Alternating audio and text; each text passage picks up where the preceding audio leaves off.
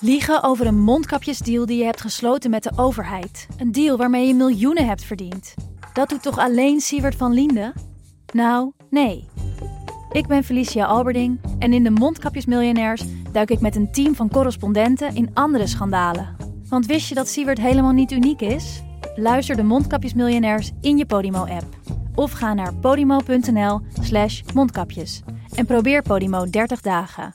podimo.nl slash mondkapjes. Deze podcast is 100% expertisevrij en alleen geschikt voor amusementsdoeleinden. De inhoud mag dus niet worden beschouwd als financieel advies. Dit is Jong Beleggen, de podcast. Ik ben Milou. En ik ben Pim. In deze aflevering hebben we het over de index, meervoud indices. Ja, hoe wordt het eigenlijk gemaakt? Ja, aan tafel hebben we dus een indexbouwer, Frank Hartman, en hij weet precies hoe het werkt. Ja, echt een unieke baan. We hebben eigenlijk best wel geluk dat we hem gevonden hebben. En we hebben het over alle regels waar een index op gebaseerd kan zijn. We duiken in de geschiedenis. Ja, en natuurlijk, wat is nou het nut van een index? En wat het te maken heeft met een ETF? Nou, ik heb er zin in.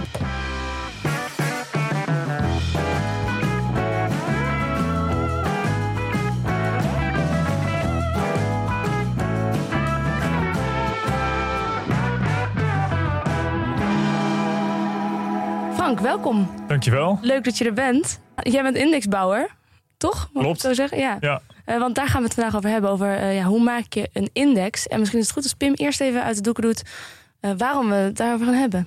Oh, ja, goede vraag. Ja, we hebben natuurlijk een aflevering ook over een ETF gemaakt met Jolien. En eigenlijk de, de, de basis waar een ETF op gebaseerd ligt, eigenlijk onderliggend een index. Eh, want de ETF-uitgever mag zelf niet de index bepalen. Dat gebeurt door een andere organisatie. Eh, en natuurlijk de bekende indexen zijn natuurlijk de, de Morningstar en zo, de S&P. Ja. Eh, maar ik denk dat we die niet zo snel in deze studio krijgen. Eh, ook een beetje ver weg Ja. in Amerika. Dus toen kwam ik eigenlijk eh, eh, ja, Frank tegen. Die in, eh, ja, ja, eigenlijk in Europa. In Duitsland zit, het, volgens mij eh, eh, je, je werkgever. ja klopt. Het hoofdkantoor zit in Frankfurt. Hebben we geen Nederlandse eh, indexmakers? Eh, ik heb ze niet kunnen vinden. Misschien weet jij dat? Want Van Eck is dan een uitgever en niet een maker. Ja, dat is een uitgever inderdaad en eh, geen indexmaker. Dus in die zin hebben we in Nederland niet eh, een indexbouwer. Mhm. En jij dacht, ik wil indexen bouwen, dus dan ga ik maar naar de buren. Nou, niet helemaal zo. maar eh, ja, ik kwam eigenlijk bij toeval daar terecht. En eh, ja, het beviel me heel erg. En misschien is het goed om te weten dat... Kijk, Ja. een, een ETF-uitgever, die, dat, dat is eigenlijk vooral een marketingbedrijf. Ja, en beheert geld eigenlijk. Dus, want zij doen heel veel marketing om mensen in een ETF te krijgen. En ze beheren dan het vermogen in die ETF. Maar eigenlijk even simpel zeggen, alle slimmigheid...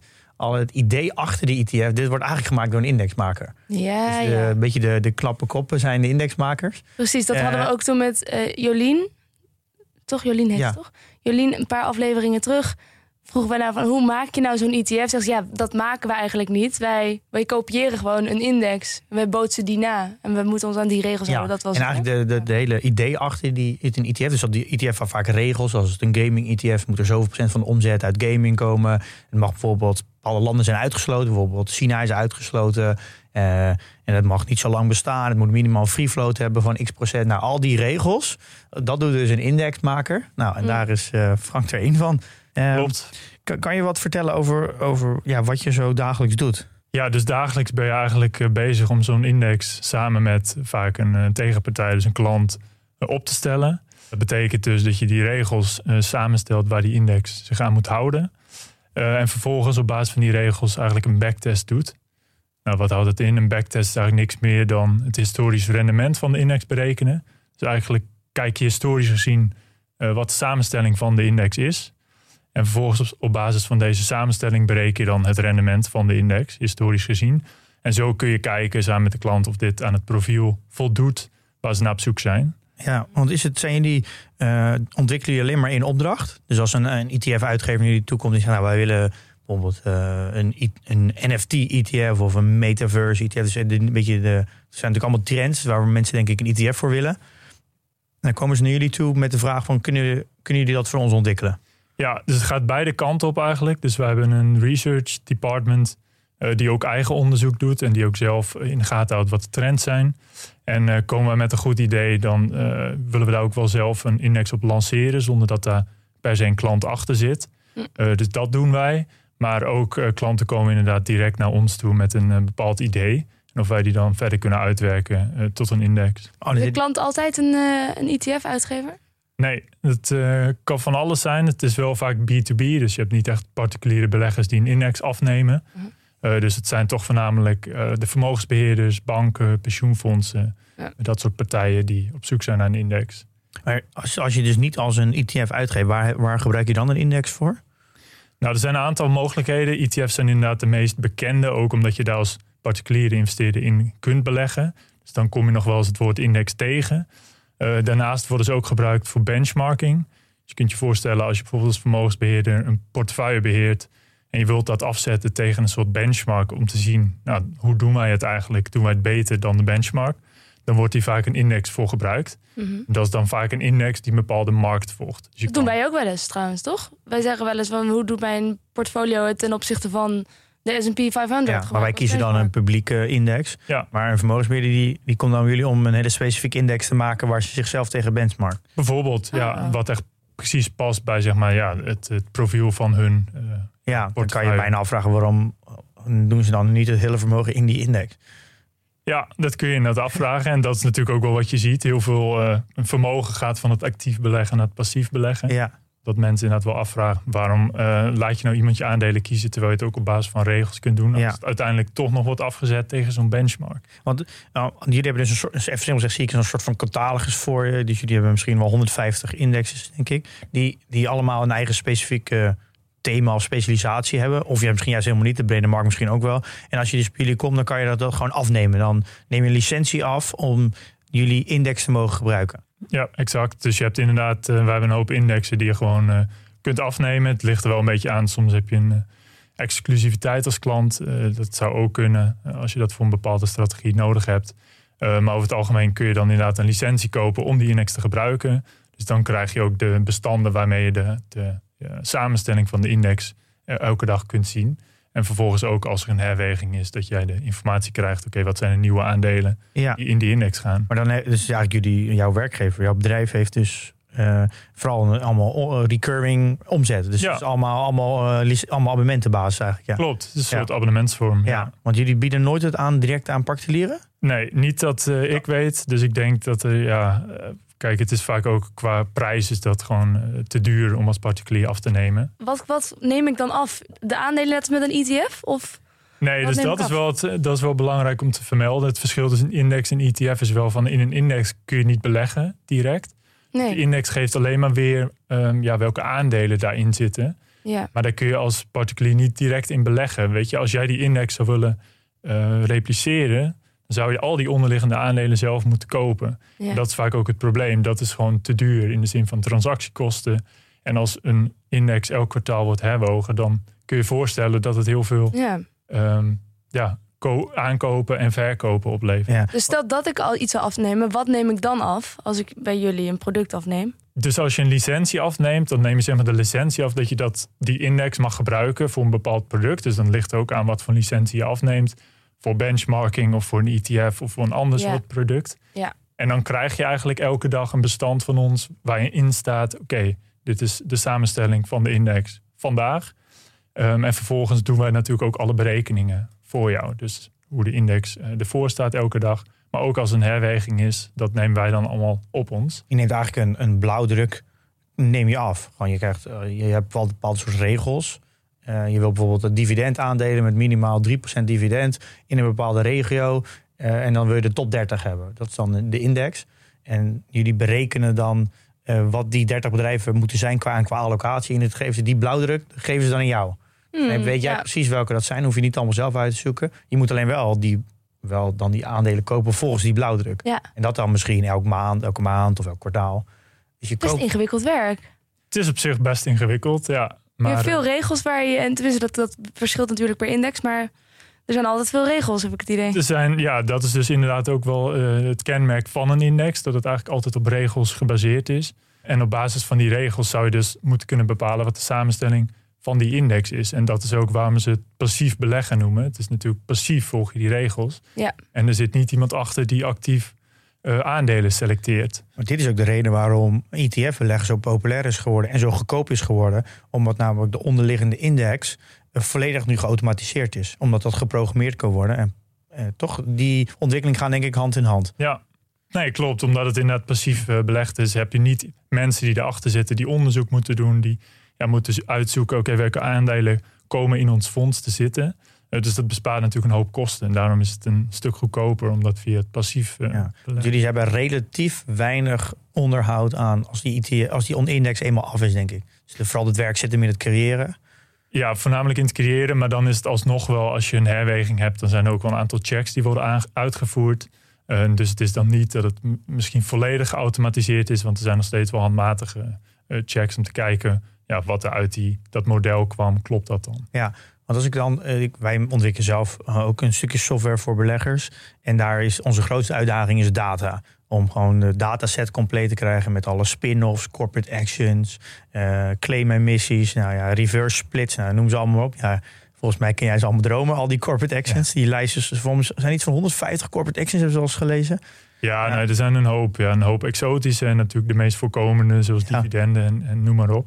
Exotische. Ja, en ook die listings en natuurlijk stok, dividend, nou zo gaan we door. Die dataset moet je natuurlijk helemaal compleet hebben. En dan vraag ik ook ver terug in de tijd. En voor alle aandelen. Dat, nou, dat was er natuurlijk, denk ik, 20, 30 jaar geleden helemaal niet. Om zo'n goede dataset. En ik denk dat dat ook heel erg de basis is van een goede index. Ja, nou ja, het is wel natuurlijk historisch gezien uh, is het dan een backtest. Dus dat is altijd wel met een uh, nou ja, footnote dat het, nou goed, historisch rendement geeft niks weer over het toekomstig rendement. Um, dus inderdaad, als die data in het, uh, in het verleden van mindere kwaliteit was, dan ja, heb je misschien een backtest die niet volledig de waarheid weergeeft. Maar als je kijkt naar de dagelijkse berekening van een index, dan zit er bij ons een heel team op deze data. Dus op de prijzen, op de corporate actions. Ja, die eigenlijk zorgen dat deze gevalideerd worden. Dat de prijzen en de corporate actions kloppen voordat ze worden toegepast op een index. Dus ja, de dagelijkse berekening, daar we een heel team op zitten om die kwaliteit te waarborgen. Maar inderdaad, historisch gezien en hoe verder je teruggaat, wordt het natuurlijk steeds lastiger. Ja. Laten we eens even helemaal teruggaan dan naar het begin. Want ik me afvraag, waarom, zijn, waarom hebben we dit überhaupt bedacht? En wanneer was er de eerste index? Nou ja, die index die bestaan eigenlijk al heel erg lang. Oké. Ehm, de eerste indexen. Waarom hebben we ze bedacht destijds? Het, voornamelijk zijn ze bedacht om zeg maar, te laten zien hoe de markt beweegt. Dus, um, als benchmark. Als benchmark. Dus uh, nou, wat je in het nieuws hoort als de AX uh, op een bepaalde stand staat. Dat is natuurlijk alleen maar om te laten zien oké, hoe de, de Nederlandse aandelenmarkt ja. Terwijl dat natuurlijk ook maar een proxy is van de volledige Nederlandse ja. Uh, aandelenmarkt. En zo is dat destijds ook ontstaan, en voornamelijk in Amerika. Ehm, ja, waar je dan indexen kreeg die de Amerikaanse markt ja. weergaven. Volgens mij is de Charles uh, H. Dow is begonnen met, uh, met een index. En dat was inderdaad een journalist om verslag te kunnen doen hoe de, de, ja, de economie uh, bewoog eigenlijk. En daar is eigenlijk de Dow Jones Industry Average ondertijd ontstaan. Ja. En dat zijn de, ja, was toen de tijd volgens mij treinen, denk ik. Uh, ja, nee, dat is echt heel ver terug in de tijd. De, de treins, ja. treinspoormaatschappijen. Ja, dat is wel, en, en dat is misschien ook goed, omdat inderdaad een index wordt altijd uitgedrukt in punten en nooit in, in een valuta. Nee. Dat is ook de reden waarom je er eigenlijk niet in kan beleggen. Waarom is dat eigenlijk? Dat het niet in, uh, in valuta is, maar in punten. En waar, waar staan die punten dan voor? Dat klinkt ook in mijn hoofd altijd heel abstract.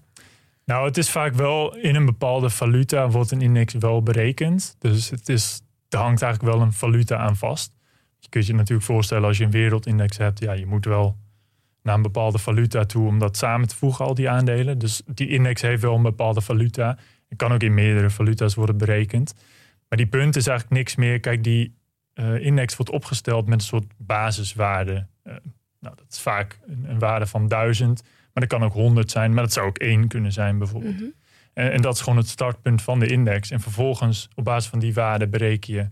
Um, nou ja, zeg maar de, de, de aandelen die in die index zitten.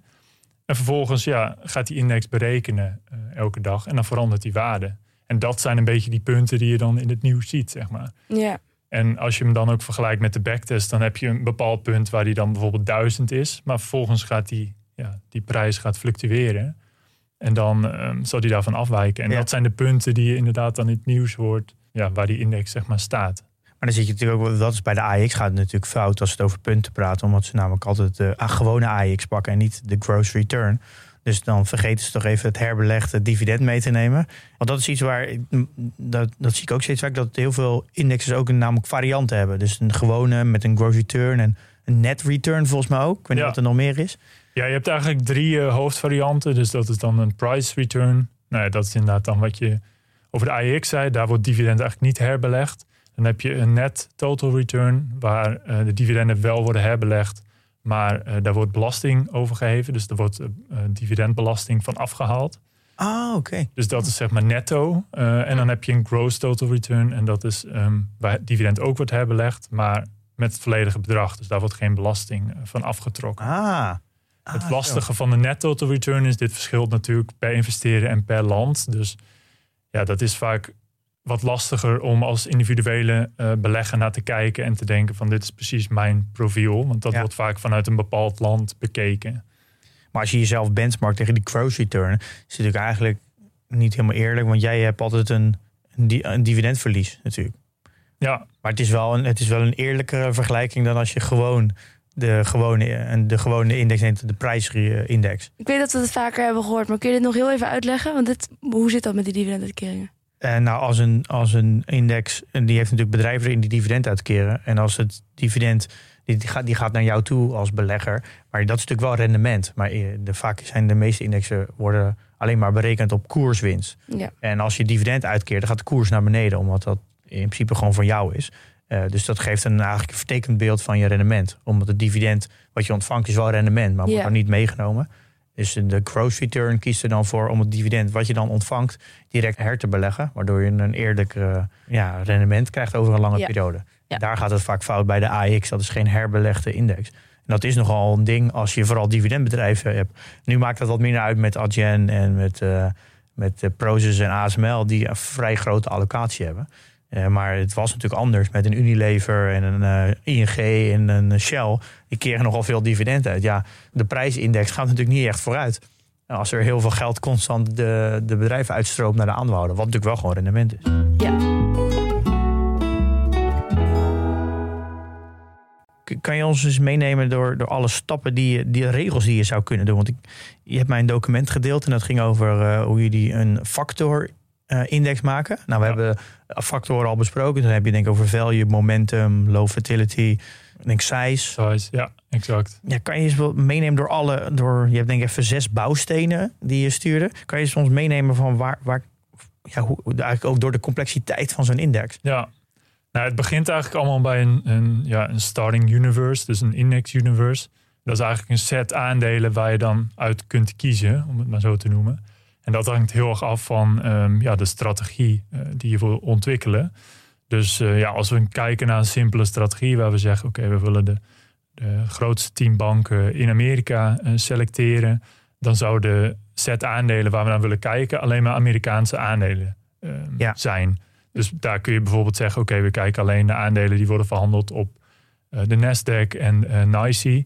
Ja, dat is eigenlijk je eerste stap om een soort universum ja, samen te stellen waar je uit kunt kiezen. Maar dat is een hele grove, grove selectie al gelijk. Ja, precies. Doe je dat, en kan dat ook al zijn op bijvoorbeeld eh, industrie of sectoren? Ja, nee, dat kan inderdaad heel goed ook op sectoren. Ja, dat zijn ook wel eh, indexen die je bouwt op een andere index. Dus je kan zeggen, eh, oké, we starten met de AX. Dat is dan wel een heel klein universum, dus dat zal niet gauw gebeuren.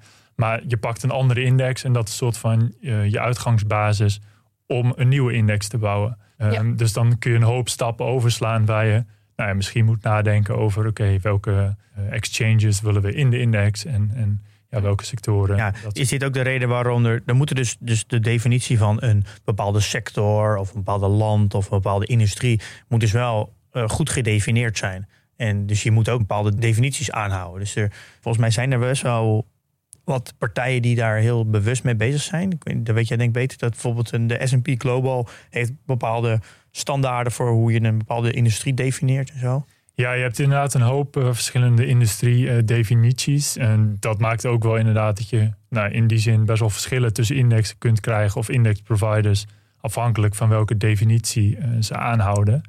Dus inderdaad, SP eh, maakt gebruik van, van JIX. Dat is dan een bepaalde sectorclassificatie. Nou, FactSet heeft ook zo'n sectorclassificatie. ehm, en ja, zo'n sectorclassificatie bepaalt dan, oké, welk aandeel zit in welke sector. Ja. Ja, en dus natuurlijk maar de vraag hoe dan zo'n data-aanbieder dat definieert. In welke ja, Ja. zeg maar Emmer een aandeel valt. dat, Wij merken dat dus met PDT ook. Dat sommige, ja, dan krijgen we soms een mailtje eh, van ja, de sector klopt niet. En maar dat, ligt, dat bepalen wij niet zelf. Wij ja, maken gebruik van een bepaalde dataset die dat klassificeert. Daar hebben wij er helemaal geen invloed op. Maar dat is wel heel erg bepalend welke dataset wij kiezen. Sommige zijn heel erg een twijfelgeval. ja, Dus dat is ook de reden waarom in de basis eigenlijk sommige indexen gewoon al kunnen ver- verschillen. Eh, omdat jullie gewoon, gewoon gebaseren op een andere Sectordefinitie. eh, ja, nou, leverancier van die, ja, die gestructureerde data. Ja. klopt. Ja. En dat is natuurlijk voor sommige bedrijven ook echt wel lastig om ja, één sector aan te wijzen waar ze in binnenvallen. Kijk, en Amazon houdt zich bezig met van alles en nog wat. Ehm, Ja, dus hoe dan doe je is dat? de vraag, oké, welke sector pakken we van nou ja, alle waar zij iets in doen? Ja, En wat is dan hun belangrijkste sector? En dat kan natuurlijk verschillen tussen ehm, ja, die sectorklasse. ja Kun je een merken, bedrijf niet in meerdere sectoren indelen? Als je op meerdere, dat je hem bij die ene sector, maar ook bij die ander. Of mag je maar één keer bestaan? Nou, dat kan dus bij zo'n sectorclassificatie heb je in principe wel maar één eh, sector waar je dan in zit. Ja. Dus dat maakt het dan ook wel lastig om een index op te bouwen. Want soms ja, wil je misschien juist kijken naar wat een bedrijf ook doet. En niet alleen de, de hoofdsector. Ja. Ehm, dus ja, dat, dat maakt het soms wel ingewikkeld. Zeker als het een grote speler als Amazon Wauw. is. Ja. Precies, ja. En we merken het vooral bij Berkshire, Prozus. Van is dat nou, is dat nou Nederlands of, of Chinees? Eh, natuurlijk met Tencent. En Amazon is natuurlijk ook een goede, die, ja, wat is het? Geen idee.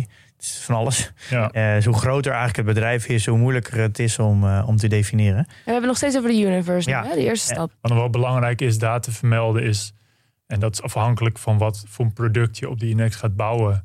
Eh, maar laten we even zeggen, eh, we willen een ETF bouwen op de index. Dan is het ook heel belangrijk dat je kijkt naar hoe liquide een aandeel is of een bedrijf. Ja. Dus hoe eh, goed is die verhandelbaar op de beurs. Hmm. Dus eh, je hebt natuurlijk sommige bedrijven die bijna niet worden verhandeld. En als je die dan in je index stopt, dan creëer je eigenlijk een probleem voor het product. De Ja. ETF in dit geval. Omdat hij hem niet kan kopen. Dat valt ook wel onder de selectie Ja. van de universe. Ja, Dan, doe je, dan ga je het hebben over gewoon de, de volume, de handelsvolume. Precies, ja. Dan kijk je inderdaad naar het handelsvolume, eh, vaak een gemiddelde over een bepaalde periode. En dan wil je dat dat boven een bepaald bedrag is, om eh, te zorgen dat ja, het aandeel verhandelbaar is. Ja, oké. en heb je dan, dan heb je de, de, universe gemaakt. En, en dan ga je naar de factor eh, definitie. Ja, dan ga je in principe naar de selectie, maar dan inderdaad eerst moet je definiëren, oké, wat gaan we gebruiken, wat voor data ehm, voor het selecteren van aandelen. Nou, in dit geval als we low volatility zouden doen, en dan moeten we eerst definiëren, oké, hoe definiëren we volatility? Ja, Ehm, Elke keer opnieuw een proces wat je door moet. Van hoe gaan we dat deze keer definiëren? Nou, er zijn natuurlijk wel, kijk, low volatility of volatility, daar heb je dan wel wat standaarden voor. Ja. Dus die kun je dan wel eens hergebruiken. Maar ja, er zijn wel eens klanten die zeggen, nou, we willen het op een andere manier. Mhm. Dan moet je het toch weer anders eh, definiëren. Dus ja, voor sommige dingen heb je wel standaarden. Dus soms kun je ook wel dingen hergebruiken. Eh, maar soms is het toch dat je weer vanaf eh, ja, nul moet starten eigenlijk. Ja. Ehm, en dan definieer je zo'n ehm, zo'n datapunt, dus in dit geval volatility. En nou zeggen we berekenen dat over nou ja, de, de prijsrendement van een aandeel over, de afgelopen, over het afgelopen jaar.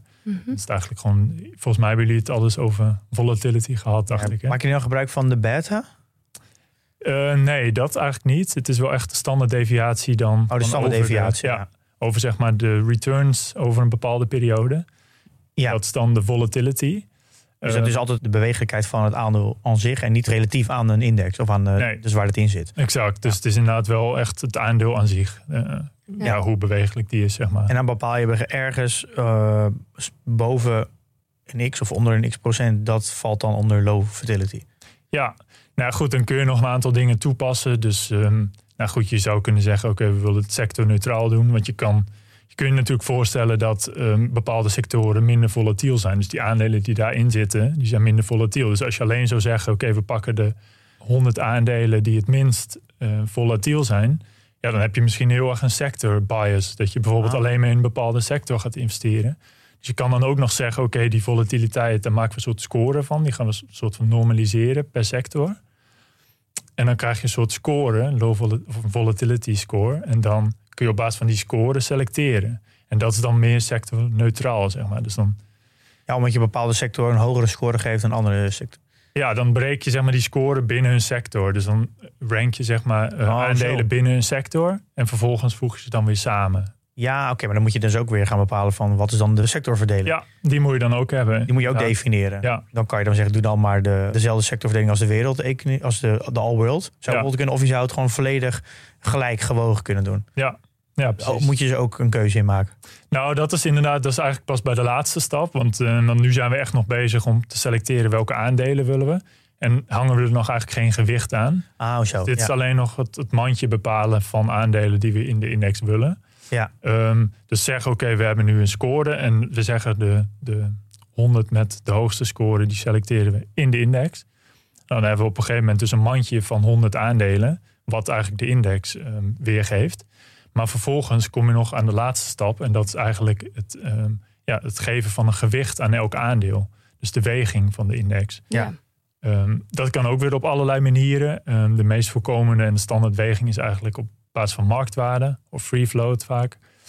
Maar je kan ook allerlei andere wegingen toepassen. Dus eh, in het gebied van eh factorindexen kun je ook een soort van ehm, ja, factor til doen. Dus dan doe je op basis van die score waar we het net over hadden, kun je de marktwaarde eh, ja, een stukje omhoog doen of omlaag, afhankelijk van de score. Ja, oké. ja. En op basis daarvan ja, geef je dan een gewicht aan een eh, bepaald aandeel.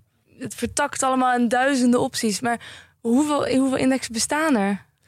Ja, eh, een exact nummer heb ik ook niet. Nee, maar verklaart meteen waarom er zoveel zijn. Er zijn zoveel mogelijkheden. bij- Precies. Ja, en Ja. kan je te maken oneindig, oneindig maken. je kan oneindig maken. Ja. En het is inderdaad maar net wat een eh, klant zoekt. Want als je inderdaad een index ontwikkelt en de weging is niet wat iemand zoekt, ja, dan kun je alweer een nieuwe index bouwen met een Ja. ja, verschillende weging. Ja, want je hebt natuurlijk eigenlijk, we hebben het nog niet eens gehad over dat we bepaalde soort van eh, uitsluitingen willen. Bijvoorbeeld, we kunnen zeggen toch ook dat we bepaalde landen niet willen. Of Oh ja. dat we een, een ESG-filter eroverheen doen. Dus je, je, je kan daar natuurlijk nog, nog veel, veel verder in gaan. Ja, En dan heb je natuurlijk ook nog volgens mij met de, de selection. Dus je kan nog zeggen, volgens mij, hoe, zoveel procent mag er in de, in de top 50 zitten. Zoveel aandelen. Of volgens mij de Ajax, die capt het volgens mij op 15 procent. Volgens mij dat de grootste positie maximaal mag zijn. ja. Eh, ik weet niet wat voor regels je nog meer kan bedenken. Eh, ja, dat is inderdaad ook bij de weging. Want je kunt je voorstellen als je nou ja, zeg 50 aandelen selecteert en er zit Apple in. En de rest van de aandelen zijn allemaal wat relatief kleiner. En je gaat op basis van marktwaarde eh, de weging doen. Ja, dan krijgt Apple opeens een enorme gewicht ten opzichte van de andere aandelen. Dus in dat soort gevallen is het dan vaak verstandig om een cap in te voeren. Om te zorgen dat ja, je niet een index krijgt waar eigenlijk maar één aandeel ehm, ja, het volledige gewicht bepaalt. En dus ook de prijs bepaalt. Dus dan heb je inderdaad vaak een cap. En eh, dat kan van alles zijn. 15%, 10%, 5%. ja, kan je maar zelf bepalen. Ja. Ja. Dus het hangt heel erg van de strategie af. Ehm, ja, het aantal aandelen, wat het product gaat zijn. Welke aandelen erin zitten, ja, wat je precies toepast. Ga je, is dat ook een van de redenen waarom je gaat backtesten? Dus dat je dus gewoon eh, om een, back, een backtest is dat je gaat met die, al die regels die je hebt in het verleden gaat testen wat voor effect dat heeft gehad op dan de samenstelling. Dus zeg dat je dat 30 jaar backtest, heb je een soort van 30 portefeuilles, even simpel gezegd, van elk jaar één. Dan ga je dan kijken van of er ergens een soort van fout zit in de regels. Dat er misschien ooit een keer een, mo- een periode is geweest waar één aandeel bijvoorbeeld 50% was. En dan denk je, oké, dit is dus een foutje in de samenstelling, die moeten we er alvast uithalen. Want dat kan in de toekomst ook gebeuren. Ja, nee, klopt. Inderdaad, je gaat historisch kijken van oké, wat hoe zag de samenstelling eruit? En kun je überhaupt die samenstelling eh, bouwen? Weet je, historisch gezien, misschien waren er wel veel minder aandelen in een bepaalde sector of in een bepaald land. En kun je helemaal niet 100 aandelen selecteren. Dus dan is het soms ook nog een beetje ja, puzzelen van oké, hoe komen we tot een eh, samenstelling, historisch gezien. Maar het is inderdaad ook kijken van oké, wat zijn nou de gewichten dan historisch gezien? En als je ziet, één aandeel heeft 50% van de index, ja, dan kun je wel nadenken van oh, misschien moeten we dan toch een cap invoeren. Ehm, ook om dan ja, veilig te zijn voor de toekomst. Ja. Hoe kan je een index, als die eenmaal is uitgebracht, kan je dat dan nog... Want het zou zomaar zijn dat er een, nog een foutje in zit. Dat je vergeten bent om een bepaalde regel toe te passen. Kan je die zomaar nog aanpassen nadat die is, soort van jullie is uitgegeven? Nee, dat kan dus niet zomaar. En dat is dan ook wel ja, eh, waar een index zich onderscheidt. Want je kan niet zomaar eh, de regels aanpassen. Je kan niet zomaar als ETF ehm, aanbieder zeggen tegen de index provider... nou, we willen dit en dit aanpassen, want ja, nu werkt value niet meer... dus laten we volgend jaar quality toepassen. Ik zeg maar iets. Eh, dat kan niet zomaar, dus eh, daar zijn wel echt regels voor. En in Europa zijn die regels eh, vrij streng. Sinds een aantal jaar is het dan, dat heet benchmark regulation... Ja, dat is eigenlijk ja, regulering op het gebied van, van indexen. Ja, en dat zegt eigenlijk dat je die regels niet zomaar kunt aanpassen. En daar is dan een aparte commissie voor waar de regels zeg maar, getoetst worden als die moeten worden aangepast. En die gaan kijken of dat in lijn ligt met ja, het doel van de index. Dus als je een index opzet, dan schrijf je eigenlijk ook uh, neer wat het doel van die index is. Dus in het voorbeeld wat we net hadden, um, zo'n index waar je low volatility aandelen wil selecteren, dan is dat zeg maar het doel van, nou, wij willen de 100 aandelen um, in de wereldwijde economie met de minste vol volatiliteit. Um, dus als je dan naar die commissie zou stappen, dat is een onafhankelijke commissie, en je zou zeggen, nou, wij willen eigenlijk nu uh, in plaats van low volatility een value gaan toepassen. Dan gaan zij zeggen van ja, maar dit komt niet overeen met het doel van die index. Dus dan kun je die regel niet aanpassen. Maar als het echt een foutje zou zijn, zoals jij zei, dan kan het wel. Dus als je echt bijvoorbeeld een, uh, nou, iets hebt toegepast wat, wat niet klopt of wat uh, gewoon fout is, dan zal die commissie waarschijnlijk wel toestemming geven om die regel aan ja, te passen. Ja, oké, ja, ja. Dus het kan wel, maar het is wel lastig. Ja, dus foutjes kunnen wel, maar niet. Uh, het is wel beveiligd dat je niet in één keer. Uh, als hey, die index performt niet, we gooien er even, nee. even value uh, gecombineerd met low fertility. Dat, Nee. dat kan niet. En je kan je voorstellen, de markt kan ook veranderen. Dus bijvoorbeeld ESG, eh, in het begin was dat nu natuurlijk nou, nog best wel een klein onderwerp, maar dat wordt steeds belangrijker en steeds meer bedrijven. Daar zou je misschien eh, uit willen sluiten. En dat zijn wel dingen waar ook naar worden gekeken. Dus als je bijvoorbeeld na een aantal jaren ziet van, nou, we hebben toen deze filters toegepast, maar eigenlijk eh, hedendaags zou je strengere filters toepassen, dan zijn dat ook nog wel eens dingen waar je de regels voor kunt aanpassen. Ja. Maar als, nu, als we nu die ESG noemen jij nu, dat is eigenlijk hebben jullie de dataset die jullie gebruiken om ESG te definiëren, want het moet ook allemaal geprogrammeerd worden, is natuurlijk die dataset heeft extreem veel invloed. Want als jullie een index baseren, een ESG-index op een bepaald dataset, die, die, gaat, die dataset gaat bepalen of een aandeel er net niet invalt of wel. Want die dataset die maken jullie denk ik niet zelf. Die, die wordt aangeleverd door jullie. Dus eigenlijk zijn de, de makers van de, de dataset, de gestructureerde datasets, die zijn eigenlijk best machtig. Ja, nee, Die, die ook nog aan tafel hebben een keer. Ja, dat, dat als die zeggen ASML valt er niet in, dan gaat gewoon ASML in geen enkele index komen dat een ESG-label heeft. Klopt, ja. Maar het lijkt me dat we dus wel een soort van morele of sociale of wat voor verplichting dan ook hebben, toch? Nou ja, dat weet ik niet. Dat moet je aan Frank vragen. Frank. Nou ja, het is een. ehm, ja, dat is inderdaad aan de data aanbieder dan. Van, eh, die doen onderzoek in het, op het gebied van ESG dan. Ehm, en die bepalen inderdaad of een aandeel ja, in een bepaalde sector valt. Dus bijvoorbeeld eh, of zij, weet ik veel, kernenergie opwekken of eh, fossiele brandstoffen gebruiken. Of, Noem maar op. Eh, en dat bepaalt dan, als dat een regel is in de index, of zij worden uitgesloten of niet. Ja. Eh, dus in die zin hebben zij inderdaad wel macht. Maar zij zijn wel gebonden. Zij hebben ook wel een soort procedures hoe zij dat bepalen. Maar goed, wij gebruiken verschillende data providers. Dus wij zijn niet gebonden aan één ESG-aanbieder. En als je ze vergelijkt, dan zie je ook inderdaad wel verschillen. Dus Ja. dan kan het ook nog verschillen welke data-aanbieder je, je gebruikt in Ja. je index. Ehm, ja, wat uiteindelijk de uitsluitingen zullen zijn. Ja, Ja. want dat merk ik dus zelf ook. Wij zijn ook gaan kijken naar ESG-datasets om dat in PDT te krijgen. Maar er, er zijn niet heel veel leveranciers die dat doen en ze verschillen enorm. Maar als je dus een ETF, nee, als, als, als, gewoon als retailbelegger, denk ik, nou, ik neem een ETF dat eh ESG-filter heeft. Om te weten wat, wat, waar er nou exact op gevuld, moet je eigenlijk zo ver terug in het proces. Moet je, dus je hebt ETF-uitgever, dan heb je natuurlijk de indexmaker. Dan moet je eigenlijk nog verder dieper naar welke leverancier, welke dataleverancier hebben jullie gebruikt om dat te bepalen. En dat, dat, die bepaalt uiteindelijk welke filter er wordt toegepast. Ja, inderdaad. Als je echt het exacte details wil weten, dan zou je inderdaad bij de data, data aanbieder moeten aankloppen en, en vragen hoe zij bepalen ja, of een bepaald aandeel eh, ja, slecht scoort op weet ik veel. eh, Moet een ETF dat ook vermelden? Op welke regels er zijn toegepast en waar die dan op gebaseerd zijn? Nou, dat is dus eigenlijk het doel van, van de index. Dus bij de index heb je al die regels die wij eh, bedenken voor een index en waar de, de index aan mo- moet voldoen. Eh, die moet je opschrijven, die moet je documenteren. En dat document moet dan ook openbaar beschikbaar zijn. Dus dat is ook een belangrijk onderdeel van een index. Dat die regels voor iedereen eh, beschikbaar zijn. En op basis van die, die regels zou je in theorie eh, die index moeten kunnen repliceren. Dus die samenstelling Ja. eh, moeten kunnen Ja. ja, Ik heb, ook, creëren. ja, ik heb ook een beetje genoten van de documenten die jij doorstuurt. Want er staat inderdaad alles in. Hoe, hoe ze bepaalde factoren bewegen. En natuurlijk vooral de, de factor eh, ja, kwaliteit is natuurlijk best wel, vond ik heel interessant om te lezen hoe je dat doen. En natuurlijk ook de, de berekeningen van hoe reken je nou dividend, dividend mee. En eh, alles is afgedicht van ook uh, vanaf zoveel dagen naar sluiting van een koers en zo. Die, alle uitzonderingen hebben jullie wel uitgeschreven. Ja, dat was een flink document. Het zijn hele lange documenten, maar het is wel heel transparant. Dus dat is wel heel duidelijk van hoe jullie dat doen. Ja, ja dus dat zou eigenlijk bij een ETF, als iemand dus een index of een ETF uitgeeft op jullie index, dan moet er ook bij de ETF een documentatie staan naar jullie website toe. Omdat je dat uiteindelijk als, als ETF-belegger dat kan inzien. Ja, nou ja, je moet altijd vermelden inderdaad wat dan de onderliggende index is. Dus dan kun je altijd refereren aan die index. En ja, op die indexpagina zul je altijd, eh, en dat is eigenlijk bij alle index providers, zul je dit, dat document kunnen vinden waar de regels ja, worden eh, gespecificeerd.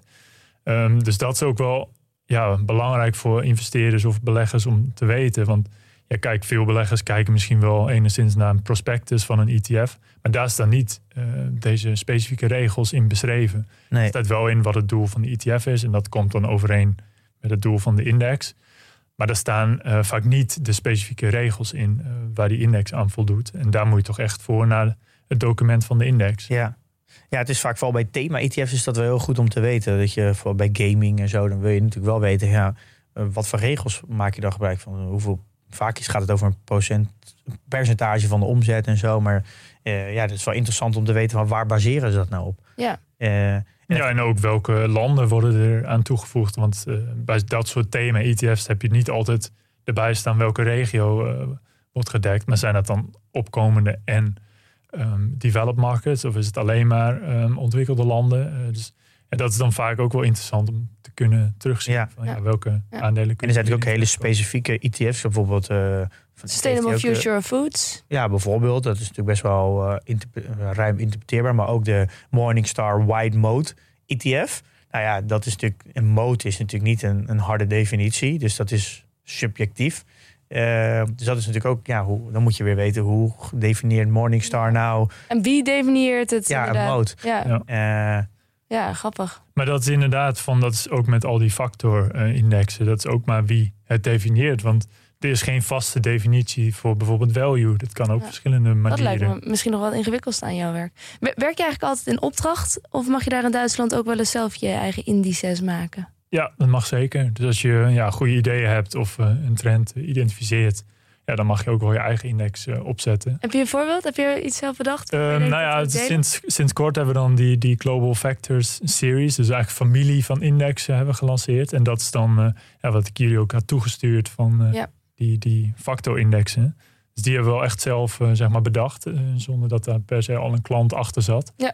Dus die definities zijn we ook zelf mee gekomen en hebben gelanceerd ja, met het doel dat klanten die gaan afnemen ja, we hebben op eigen initiatief, zeg maar. Maar de, de, de, de, je had ook een soort van historisch rendement gedaan, gebenchmarkt tegen volgens mij de brede markt. Maar dat is dan, omdat die index bestaat er niet zo lang, is dat dan, dat is gewoon gebacktest zeker. Ja. Dus niet, uh, je had er niet toen al de ETF. Of de index. Nee, precies. Dus die index die bestaat eigenlijk pas sinds dit jaar. Dus dan heb je inderdaad uh, een live periode. Nou, die worden ook in die documenten wordt beschreven wanneer de index live gaat. En dan staat er ook daarvoor, zeg maar de data die daarvoor beschikbaar is, is gebacktest.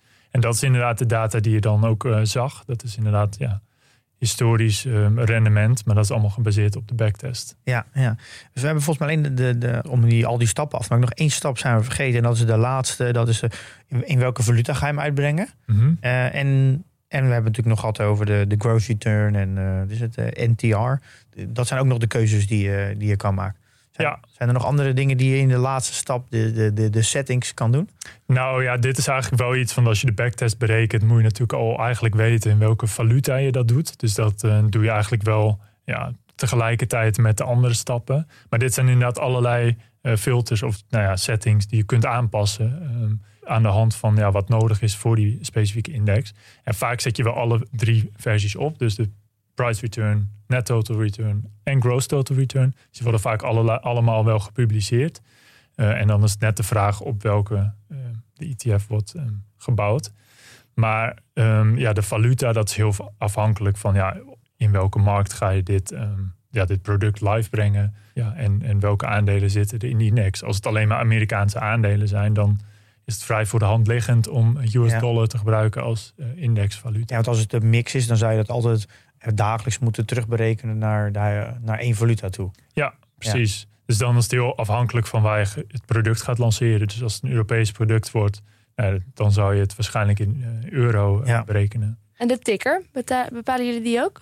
Als het onze eigen index is, dan bepalen we die zelf. Ehm, en dat vaak dan ook wel in samenspraak met de klant of die het mee eens zijn. Maar die bepalen we inderdaad eh, zelf. Ja. Krijgt het ook een eh, ISIN-nummer, een eh, index? Ja, dus inderdaad, je moet ook registreren. En dat is dan bij de Duitse eh, ISIN-aanbieder. En dan krijg je inderdaad, dan heb je een ISIN voor een bepaalde index. Kunnen wij als, als, gewoon als particulieren ook zomaar die, die index opzoeken ergens? Dus is die bijvoorbeeld in Google Finance altijd te vinden onder de, de ISIN-code? Of? Bij Google Finance denk ik niet, want je kan eigenlijk alle index op onze website vinden. Dus dat is eigenlijk bij alle index providers. Ehm, en bij Selective ook, daar kun je gewoon online kun je eigenlijk alle indexen raadplegen. En daar vind je ook alle documenten. Eh, dus Als ja, ik bijvoorbeeld zou willen benchmarken of zo, even, even wil testen met wat doet jullie eh, value eh, factor index versus de all world, dan zou ik dat ergens kunnen doen? ja, dan zou je in principe wel die data van de website kunnen, kunnen halen en daarvoor gebruiken. Ehm, goed, dan heb je geen licentie, dus dan moet je wel oppassen wat je met die data vervolgens doet. Maar Ja, als je het gewoon privé voor- of voor jezelf ja. gebruikt, dan is dat eh, inderdaad geen probleem. Ja, oké, ja. Oh, interessant. Oké, ehm, zijn we nog iets? eh, zijn Nou, we nog iets vergeten? Iets wat je? je favoriete index misschien? Mijn favoriete index. Nou, ik heb ooit een index gebouwd op. Het was op gedurende het proces misschien niet mijn meest favoriete, maar het is wel de meest complexe, denk ik. Dat is een merger arbitrage index. Ik weet niet of jullie dat ooit behandeld hebben, maar dat is, ja, fusies en overnames. En daar heb je een soort van eh, arbitrage mogelijkheid. Ehm, en op basis daarvan hebben we een index ook samengesteld, samen met een klant. En eh, ja, dan ga je eigenlijk kijken ehm, ja, of er een soort mogelijkheid tot arbitrage is. En is dat het geval, dan ja, ga je zeg maar die, die, die target of het over te nemen bedrijf, eh, die stop je in die index. Weet je wat er nu met Activision Blizzard en Twitter is? Ja. Die, Ja. die Wat is zit, ermee? nou, die wordt, eh, Activision Blizzard wordt overgenomen door Microsoft, maar het moet nog goedgekeurd worden door, eh, ik weet niet door, precies door wie, maar SEC misschien. Eh, Ja. En eh, de- daardoor ligt tijdelijk eh, de koers van Activision Blizzard iets lager onder het overnamebod. Eh, omdat het door de markt toch verwacht dat het misschien niet doorgaat. En daar zit natuurlijk een arbitrage tussen. Als het wel doorgaat, Ja. dan schiet het aandeel natuurlijk instant naar de verkoopprijs. Precies. En Ja, wat is dan het doel van de klant? Wat wil die? Nou, die wou dit dus, want normaal is dit, zijn dit strategieën waar je dan niet echt als individuele belegger zomaar in kunt stappen. Dat zijn Mhm. vaak meer de institutionele beleggers die dit eh, wel aanbieden. Um, maar die wouden het dus inderdaad in een ETF stoppen, die index. En het dan toegankelijk maken voor ook ja, particuliere beleggers. Wat spin-off zou natuurlijk ook in kunnen. Het wordt ook heel vaak gezegd dat spin-offs altijd eh, een heel mooi koopmoment zijn. Omdat er al heel veel aandeelhouders zijn die, die dat krijgen. En die denken, ja, wat moet ik ermee? Dat is helemaal niet de reden waarom ik in... eh, ik heb dit nooit bewust gekocht. Dus die verkopen het, krijg je verkoopdruk. Ja. En zo eh, performt een spin-off vaak goed. Is dat, is dat ook, bijvoorbeeld ook iets waar, wat jullie als een index zouden kunnen doen? Dat zou ook kunnen, inderdaad. Ehm, nou, ja, misschien iets recenter voorbeeld wat, wat best wel eh, veel vraag naar was, was SPACs. Oh ja. Of jullie dat hebben behandeld Ja, met soort Ja. Bij dat, ja. spec. Ja. Nou ja, daar kun je ook een index van bouwen. Dat je, ja, goed, dat zijn natuurlijk eh, in principe lege bedrijven op het moment dat ze naar de beurs gaan. En dan met het idee dat ze iets gaan overnemen, eh, wat dan vervolgens ja, eh, waarde gaat toevoegen. Ja. Ehm, en daar kun je ook een index eh, ja, op, op basis van samenstellen. Ja. Hoe beleg je zelf eigenlijk? Ik beleg in eh, ETF's. Ja. Dus het is, eh, ja, ik volg wel Dat wat ik zelf ook doe. Ja, precies. Ja. Maar dan weet je eigenlijk best wel goed. Jullie hebben natuurlijk, nou zeggen we 150 eh indexes. Dan weet je eigenlijk ook heel goed welke indexen over een lange termijn heel goed performen. Ja, in principe wel. Maar het is wel, ehm, ja, sommige strategieën doen het goed op bepaalde periodes en bepaalde periodes niet. Bijvoorbeeld value, die heeft het eh, de afgelopen jaren best wel slecht gedaan. En dat is nu weer een beetje aan het terugkrabbelen. Eh, dat zijn van die strategieën die misschien over een hele lange periode niet per se ehm, het beter doen dan de wereldmarkt. Maar in bepaalde periodes wel. Ehm, dus het is ook een beetje afhankelijk waar je naar kijkt, zeg maar, welke periode. Maar goed, ja, het gezegd is altijd eh, zoveel mogelijk spreiding levert Ja. het beste rendement op. Dus Ja, ja wel leuk. Het lijkt me dat je een hele leuke baan hebt. Nou, Ja. ook wel, ja, nou voor sommigen dan. Ja. Ja, ik, ik vind het eigenlijk best wel een leuke baan. Waarom moet je nou straks ook weer naar Duitsland, of niet? Nee, ik werk nu eigenlijk eh, van het huis volledig. En ehm, ja, goed, ik eh, ging voorheen wel veel naar eh, Frankfurt toe, eigenlijk elke Ja. week. Maar dat is nu ja, vanwege corona een stuk minder geworden. Hm. Ja. Eh, en we hebben sinds kort ook een kantoor in Amsterdam. Ah, goed.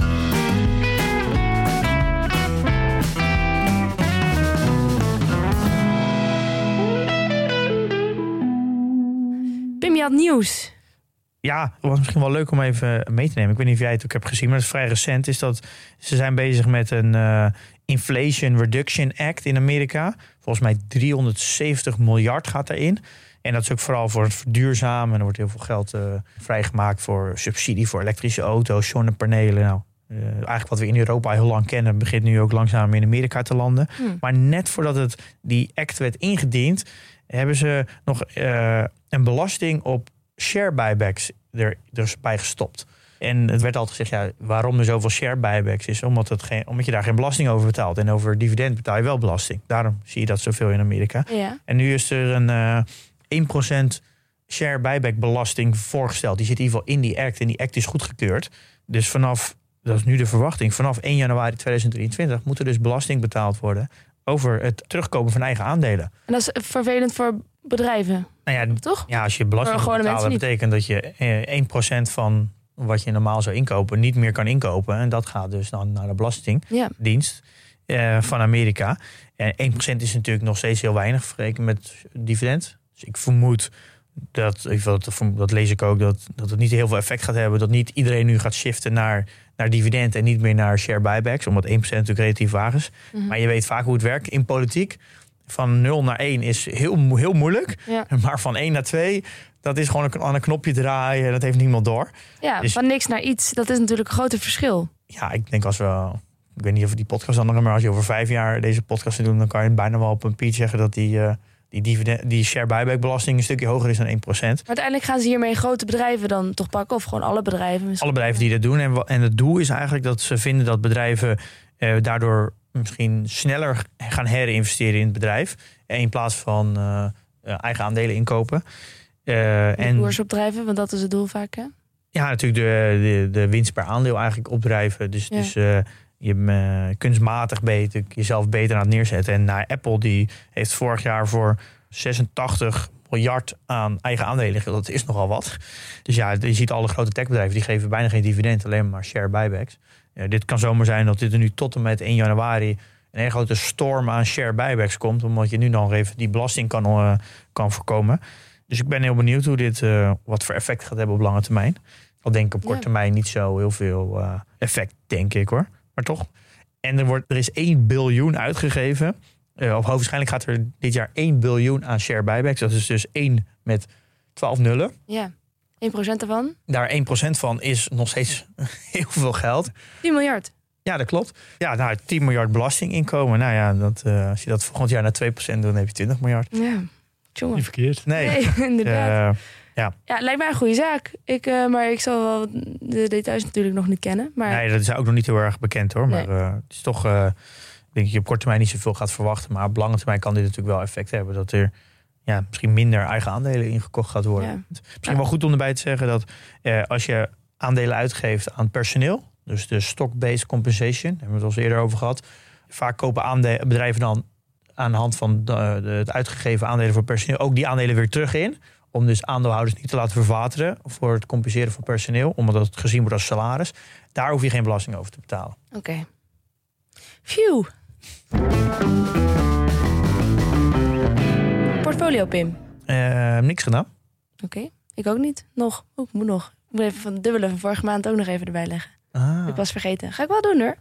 Ja, hoe gaat het met jouw portfolio? Wij zitten lekker gespreid natuurlijk. Ja, ik ook. Wij hebben nergens last van. Nee, Nee. dat eh, helemaal goed. Eh, wat gaan we volgende week doen? Ehm, dan ben ik hier met Mees. En dan gaan we het hebben over de psychologie van de belegger. Dus je denkt, huh, dat heb ik toch al een keer gehoord. Eh, ja, maar Mees is natuurlijk een andere, andere mens. Met een andere Ja, maar- psychologie. Eh, vorige keer hebben we het gehad over de psychologie eh, van beleggen. En nu gaan we het hebben over de psychologie van de belegger. Ja, en dus we gaan nu meer op een gedragseconomie. Oké. Ja, ja, niet, ik niet.